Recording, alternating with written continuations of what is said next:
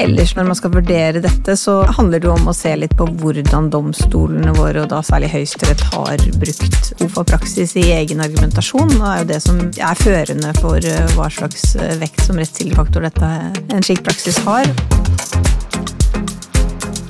Hei og hjertelig velkommen til ny episode av Anskaffelsespodden. En podkast fra advokatfirmaet Simonsen Fugtvik og Mercell, markedsplassen for innkjøpere og leverandører. Vi tar for oss aktuelle tema for å gi deg en faglig oppdatering innenfor offentlige anskaffelser. Takk for at du lytter til Anskaffelsespodden. Vi håper å gi deg nyttig faglig påfyll på en kort og konsis måte. Mitt navn er Olav Haukli. Jeg jobber som advokat her i Simonsen Fugtvik, i all hovedsak med offentlige anskaffelser. Med meg i dag så har jeg min kollega Karin Fløystad. Du har jo vært med før, Karin, men du kan gjerne gi en kort introduksjon av deg selv i kveld. Ja, takk for det, Olav. Um, ja, jeg er jo kollega av deg, da. Jobber i Simonsen Fugtvik um, på EU-konkurranseavdelingen. Og um, jobber jo også, som er relevant for denne episoden her, uh, med flere nemnder. Jeg har sittet uh, åtte år i KOFA, men så leder jeg Konkurranseklagenemnda, og så sitter jeg i Medieklagenemnda. Nettopp. Det er et veldig godt utgangspunkt. Og dagens tema er jo nettopp Klagenemnda for offentlige anskaffelser, KOFA. Eh, og vi skal snakke litt om ulike aspekter ved det, eh, nemlig eh, hva KOFA egentlig er, og litt om avgjørelsene som kommer derfra. Men hvis vi begynner litt sånn overordnet, Karin. Klagenemnda for offentlige anskaffelser er jo en nemnd. Kan du si litt om, om hva slags nemnd det er, og hva det innebærer at det er en nemnd? Ja, altså KOFA skiller seg jo litt eh, fra de andre nemndene nettopp fordi at eh, det jo har en, en sånn rendyrket funksjon med eh, muligheten for leverandører til å klage inn oppdragsgivere innenfor ulike spørsmål. Og at KOFAs avgjørelser, altså det er jo et spesialistorgan, og at KOFAs avgjørelser da er rådgivende i de sakene som KOFA behandler. Mens eh, andre nemnder jo eh, har eh, typisk mer preg av å være klageorganer, da, altså erstatte tradisjonelle forvaltningsklageorganer, og slik at man får en, en uavhengig nemnd som behandler klage på et da førsteinstans forvaltningsvedtak, for å kalle det det. Eh, så da, og det er jo eh, typisk både Medieklagenemnda og Konkurranseklagenemnda fungerer på den måten, da. Mm, så KOFAs avgjørelser er rådgivende, som de vel kalles, da? Ja. ja med, med unntak av de som gjelder gebyrsakene. Det er riktig. Så eh, KOFA fikk jo gjeninnført gebyrmyndigheten, og har jo hatt et økende antall gebyrsaker etter det. Mm. Mm. Men, men, de aller fleste sakene gjelder jo de rådgivende eh, sakene. Og det kommer jo egentlig ganske mange avgjørelser fra KOFA eh, sånn eh, Hvis man ser det i løpet av et år, da, så, så, er det ganske mange saker som forelegges KOFA til behandling. Og det gjør at man får ganske omfattende praksis derfra også. Eh, men dette handler vel kanskje også litt om hva som skal til for å, å klage noe inn dit. Det er ikke veldig det er ikke veldig dyrt, eller det krever ikke veldig store ressurser for å bringe en sak inn for KOFA. Nei, og det er jo et, eh, et, et viktig formål her, at man har dette, mm, kall det et, et lavterskeltilbud, da, for å få prøvd spørsmål, eh, og at man da unngår eh, eller iallfall kan klare å holde sakskostnader ofte nede, og at man jo trenger jo ikke være representert ved advokat, det er jo mange som ikke er det, og man har jo en en, på en måte en mulighet da til å få prøvd uh, spørsmål, uh, og den behandlingen som man eventuelt er uenig i, uh, for da et spesialistorgan, og ikke, ikke, minst med et veldig spesialisert klagenemndsekretariat, som jo har omfattende og, og, langvarig erfaring med dette rettsområdet. Og som du sier, det er jo et høyt antall saker. Nå har jo mm. man jo heldigvis lykkes med å få ned saksbehandlingstiden, som jo var litt høy i en periode, men nå er den mye bedre under kontroll. Ikke sant. Ja. Eh, når man tar en sak inn for domstolene, så kan man jo risikere å sitte igjen med noen hundretusener i regning både til egen advokat og til motpartens advokat hvis man taper. Men den risikoen er jo ikke der i KOFA, da, for som du sier så velger man jo selv om man engasjerer advokat. Og så har man jo heller ikke noe risiko for å bli idømt motpartens advokatkostnader hvis de velger å bruke advokat. Og da sitter du jo eh, igjen med det klagegebyret, som vel er Ja. på 8000 kroner. Ja, det er vel noe, noe rundt der, ja. Og eh, man har jo også eh, en saksbehandlingsform ettersom det er skriftlig behandling i KOFA, eh, som også holder da disse, hvis man velger å bruke advokat, da, kostnadene til advokat ofte litt nede sammenlignet med eh, overprøve, eller saker som prøves hvor det er eh, muntlig behandling, da. Det er ofte mer eh, ressurskrevende.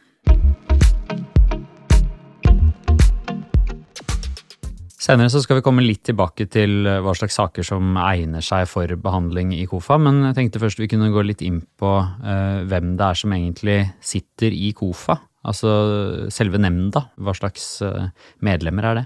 Ja.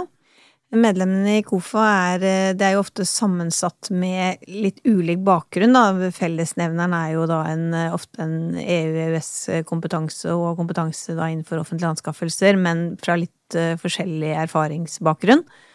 Eh, og da er det jo typisk eh, både dommere fra de alminnelige domstolene, eh, kan være både tingrett og lagmannsrett, og så er det akademikere fra ulike institusjoner, typisk representert i KOFA.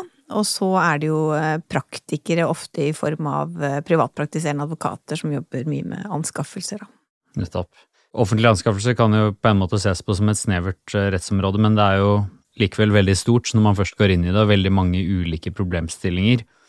Eh, Og et spørsmål man kan stille er jo liksom i hvilken grad er de som sitter i KOFA godt nok kjent med de praktiske utfordringene som for så vidt både oppdragsgiver og leverandører møter i hverdagen da, når man sitter der med, med en offentlig anskaffelse.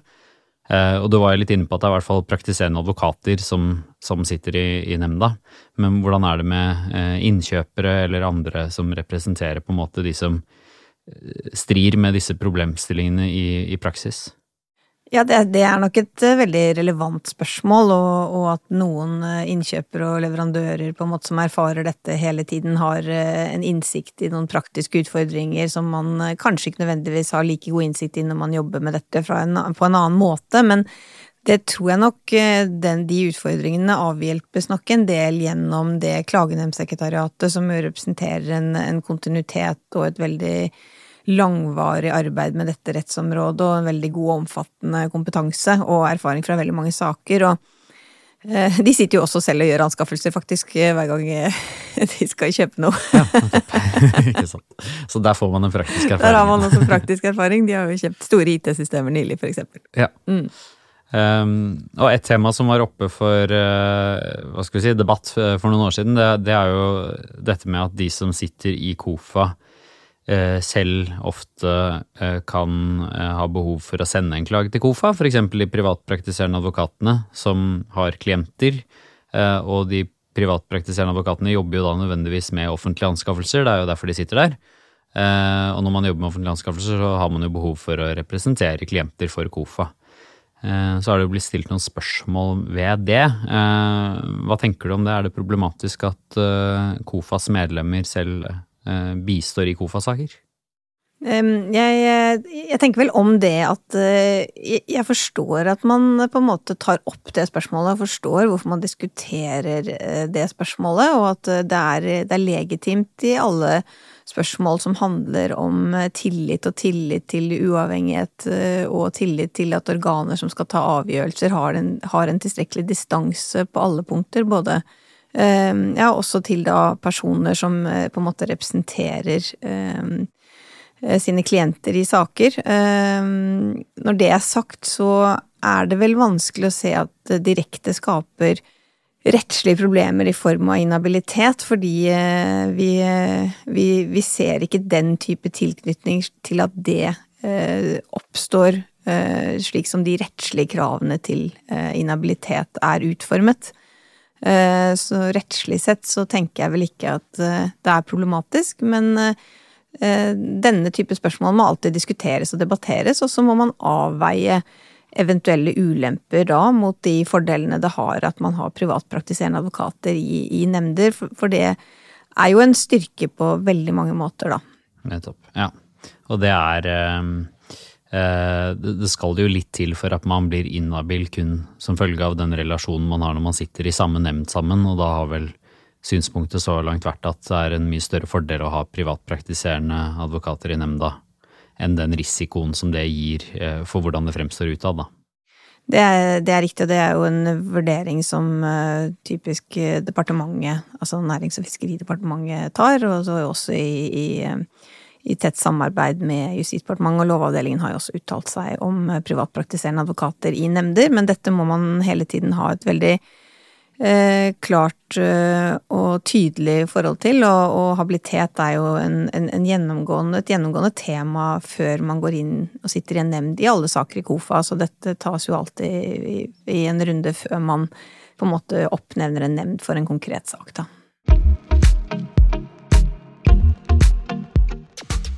Vi kan eh, gå litt videre til å snakke om hva slags type saker som er egnet for KOFA. Ehm, dette er jo et spørsmål som leverandørene og de som eventuelt bistår leverandørene må stille seg fra tid til annen. Er dette en eh, sak som jeg burde ta inn for KOFA, eller burde den tas inn for domstolene?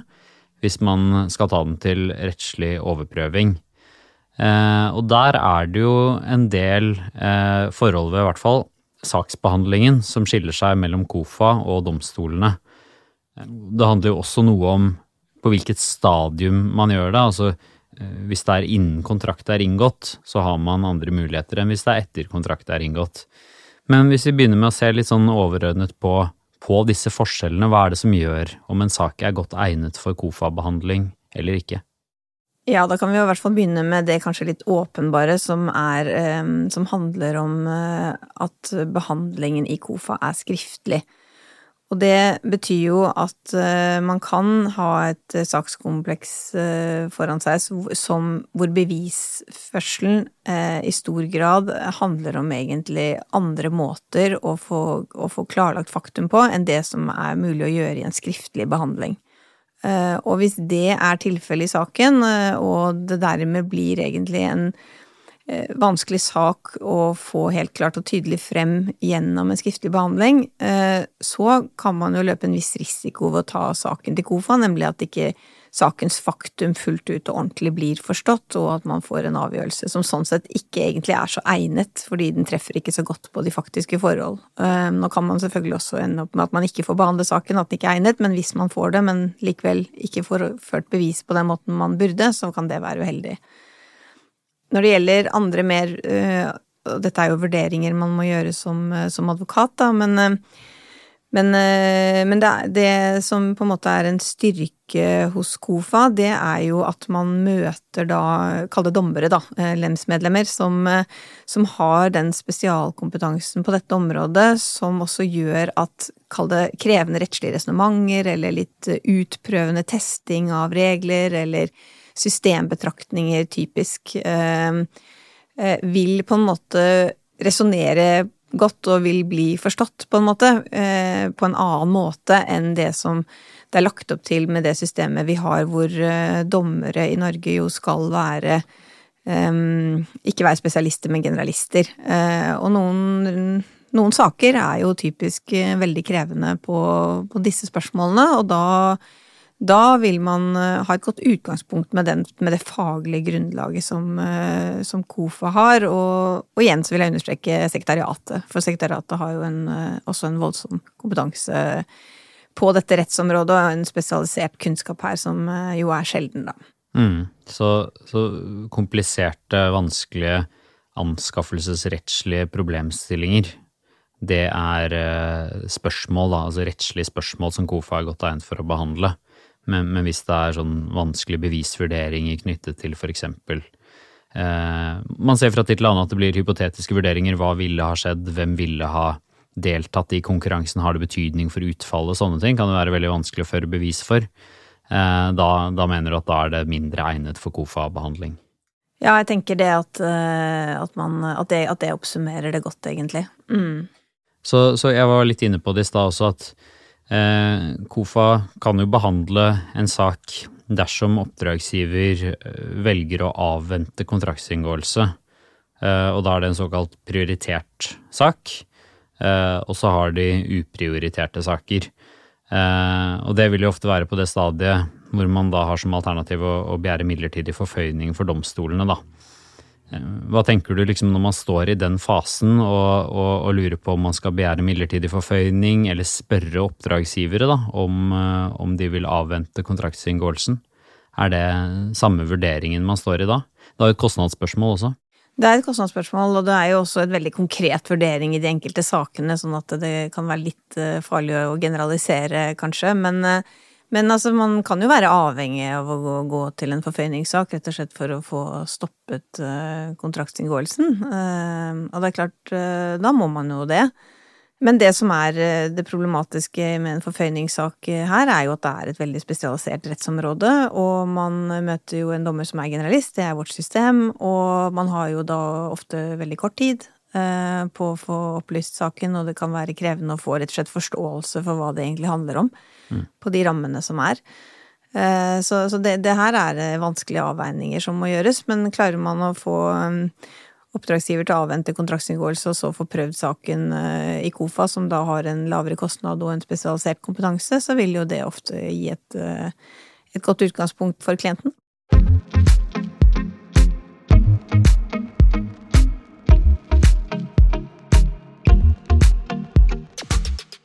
Et annet spørsmål er jo når, når KOFA har eh, avsagt såpass mange avgjørelser som de har, Eh, hvilken betydning har disse avgjørelsene sånn i et større rettslig perspektiv, da? Eh, eksempel hvis man skal bringe en sak inn for KOFA eller for domstolene. Hvilken betydning har det at KOFA har tatt stilling til det rettslige spørsmålet man har eh, i, i den saken? Altså hvilken rettskildevekt har egentlig KOFAs avgjørelser? Hva, hva tenker du om det? Satt på spissen så har det vel i utgangspunktet ikke eh, Egentlig ikke eh, en, en rettskildig faktor sånn sett, en enkelt avgjørelse. Så, så, jeg tenker jo på en måte at eh, her, her, må man jo eh, på en måte vurdere litt eh, hva slags eh, praksis man står overfor, og man må sammenligne egentlig det, dette litt med rettskildefaktoren altså forvaltningspraksis.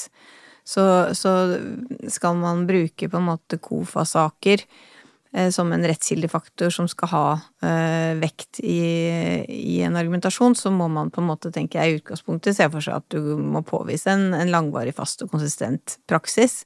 Og man må på en måte um, bruke det da som en rettskildefaktor, uh, som sagt, som, som, forvaltningspraksis. Men det er jo har den store fordelen for eksempel at den er, veldig, den er lett tilgjengelig og publiseres og så videre og er kjent, uh, og det er jo viktige elementer også i den vurderingen. Um, ellers når, du, når, man skal vurdere dette, så handler det jo om å se litt på hvordan domstolene våre, og da særlig Høyesterett, har brukt uh, KOFA-praksis i egen argumentasjon. Det er jo det som er førende for uh, hva slags vekt som rettskildefaktor dette en slik praksis har. og og ja, der har vel du gjort noen undersøkelser? Så, ja, eller jeg sjekket ja. litt opp, og jeg ser i hvert fall at Høyesterett i flaggermaskin har vel en, en, fire avgjørelser fra KOFA som de viser til.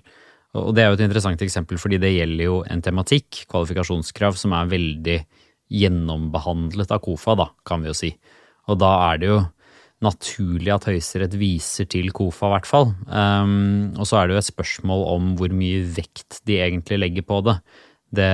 Det er kanskje litt vanskelig å lese ut av avgjørelsen, men at de i hvert fall anser det som relevant, er jo tydelig, da.